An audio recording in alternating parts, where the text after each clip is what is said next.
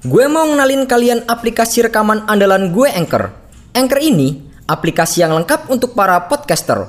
Kita bisa ngerekam, ngedit, nambahin musik, efek, bahkan sampai upload ke platform lain. Semuanya bisa kita lakukan hanya dari satu aplikasi. Aplikasi Anchor ini bisa kalian download langsung secara gratis di App Store ataupun Play Store. Atau bisa juga download dari websitenya langsung di www.anchor.fm. One app that your podcast need.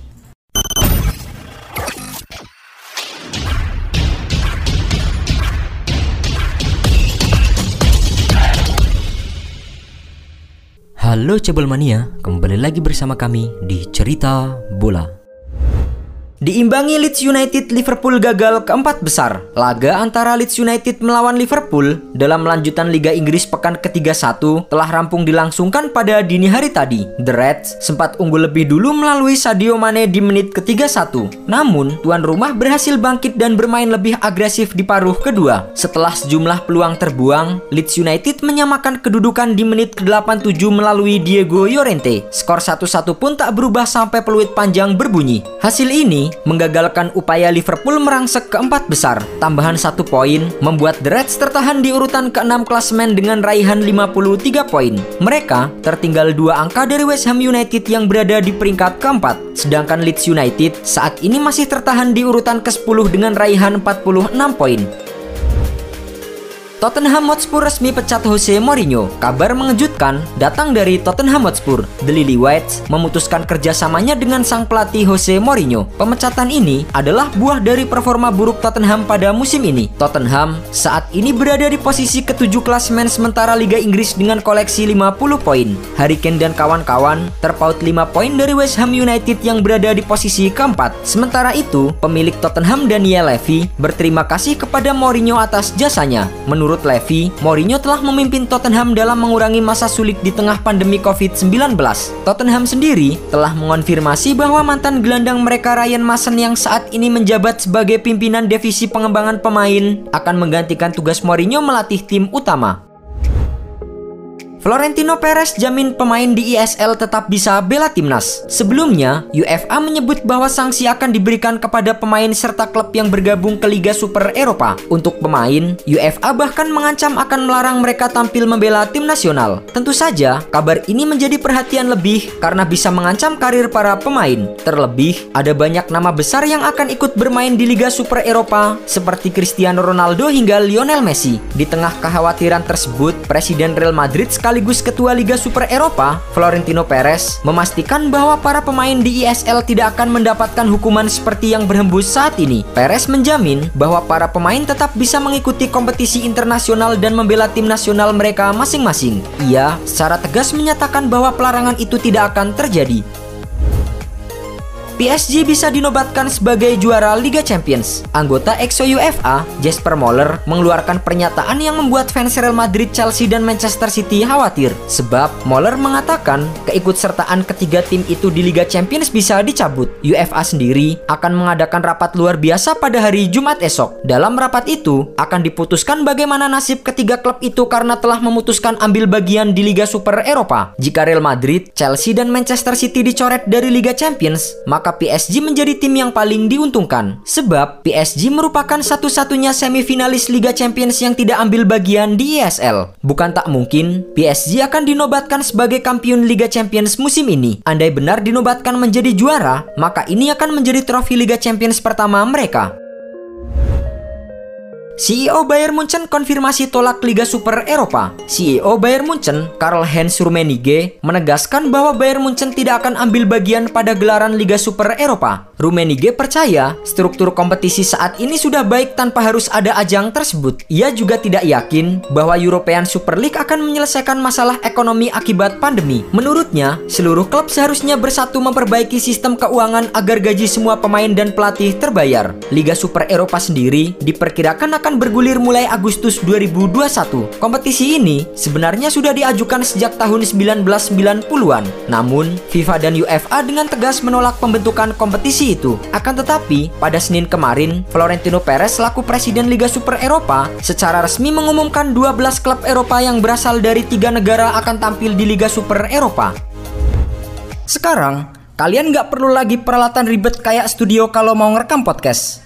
Semuanya bisa kalian lakukan dari smartphone kalian menggunakan Anchor. Anchor bisa kalian download secara gratis di App Store ataupun Play Store. Mudah banget kan? Di Anchor, kalian nggak hanya bisa ngerekam audio, tapi kalian juga bisa ngedit langsung di sini. Nggak sampai di situ, Anchor juga dapat mendistribusikan konten kamu ke platform lain seperti Spotify, Apple Music, dan lain-lain. Keren kan? Satu aplikasi untuk semua kebutuhan. Daripada kalian makin penasaran, mending langsung aja download Anchor sekarang. Oh iya, Anchor ini gratis loh. Manchester City siap perpanjang kontrak Phil Foden. Manchester City nampaknya benar-benar puas dengan kinerja pemain mudanya Phil Foden. Kini, City dikabarkan siap memberikan kontrak baru kepada Foden dengan kenaikan gaji yang fantastis. Dilansir dari Sportmul bahwa manajemen The Citizen siap membuka diskusi dengan Foden terkait kontrak baru. Kontrak itu disebut bernilai sekitar 100 ribu pound sterling atau setara dengan 2 miliar rupiah per pekannya. Dengan jumlah tersebut, bayaran Foden akan naik tiga kali lipat di Manchester City. Saat ini, pemain asal Inggris itu diketahui mengantongi bayaran sebesar 30 ribu pound sterling atau sekitar 604 juta per pekan. Pihak klub tak ragu untuk menggelontorkan dana besar lantaran sang pemain berhasil menunjukkan kiprah yang mengesankan. Foden sendiri sudah mencetak 13 gol dan mencatatkan 9 assist dalam 41 penampilan musim ini. Demi Paulo Dybala, Chelsea siap korbankan dua pemain. Keberadaan Paulo Dybala di Juventus pada sepanjang musim ini seolah nyaris terlupakan. Pasalnya, striker asal Argentina itu telah melewatkan musim ini dengan sejumlah rentetan cedera dan penampilan yang inkonsisten. Dybala bahkan hanya bermain 14 kali di Liga Italia dengan sumbangsih 3 gol dan 2 asis. Kini, selain tidak menjadi pilihan utama Andrea Pirlo, kontrak Dybala juga akan habis pada musim panas tahun depan. Namun, negosiasi yang alot di antara keduanya membuat manajemen memilih mundur dan menunda kesepakatan. Dilansir oleh Tuttosport bahwa hal tersebut rupanya menjadi celah bagi Chelsea untuk merekrut sang pemain. The Blues bahkan siap mengorbankan dua pemain sekaligus untuk mendapatkan tanda tangan Dybala. Chelsea siap memasukkan Jorginho dan Emerson Palmieri dalam paket kesepakatan transfer. Marcus Rashford donasi 50.000 buku untuk anak-anak. Marcus Rashford memang terkenal dengan sifatnya yang murah hati. Kini, berbagai cara dilakukan Rashford untuk memenuhi kebutuhan dasar anak-anak di Inggris. Salah satunya adalah dengan membuka rumah baca gratis. Kepedulian Rashford kepada minat baca anak-anak tak lepas dari masa lalunya yang tumbuh di tengah keluarga miskin. Tak ingin hal itu terjadi pada anak-anak lain, Rashford pun membuka rumah baca Macmillan Children Books. Belakangan, rumah baca tersebut mendonasikan 50.000 buku untuk anak-anak kurang mampu di Inggris. Buku itu juga akan disalurkan kepada 850 sekolah dasar di Inggris dan Skotlandia. Menurut survei yang dilakukan oleh National Literacy Trust pada tahun 2019, di Inggris masih terdapat 380 ribu anak yang tidak memiliki satupun buku bacaan. Berangkat dari situ, Rashford tergerak untuk membantu mereka. Real Madrid lirik peluang bajak Sterling dari Manchester City.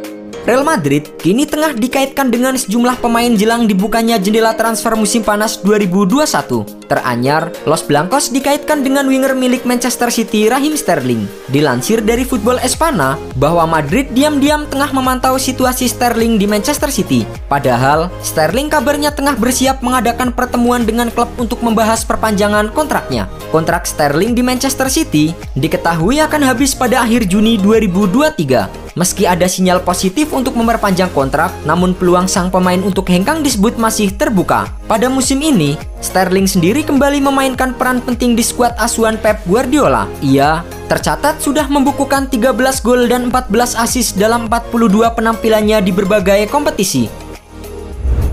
Siap perpanjang kontrak, ayah Messi terlihat berada di Barcelona.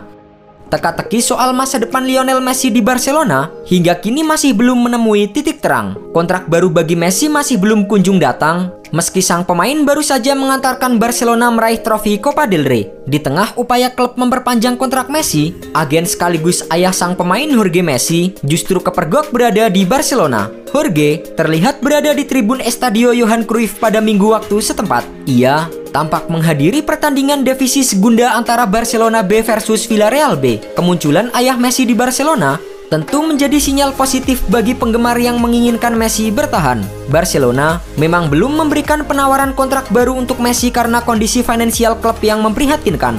Juan Laporta dikabarkan akan mengkaji laporan keuangan klub sebelum memberi Messi kontrak baru.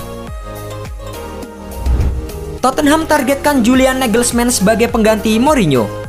Tottenham Hotspur resmi mendepak Jose Mourinho dari kursi pelatih pada Senin waktu setempat. Performa anjlok yang ditunjukkan oleh Tottenham pada musim ini ditengarai menjadi alasan terbesar pemecatan Mourinho. Kini, mantan pemain Spurs sekaligus pelatih akademi klub Ryan Mason ditunjuk sementara untuk menggantikan Mourinho. Menurut laporan dari Daily Mail, Nagelsmann adalah target nomor satu Tottenham dalam perburuan manajer baru. Namun, mereka perlu merogoh kocek yang cukup dalam untuk memboyong Nagelsmann dari Leipzig. Pasalnya, kontrak Nagelsmann masih tersisa hingga tahun 2023, sehingga Tottenham harus mengeluarkan 10 juta pound sterling untuk mendapatkannya. Selain itu, Tottenham juga harus bersaing dengan tim tersukses di dunia Bayern Munchen. Pelatih berusia 33 tahun itu dikabarkan akan menjadi penerus Hansi Flick di kursi kepelatihan. UEFA umumkan format baru Liga Champions mulai 2024-2025.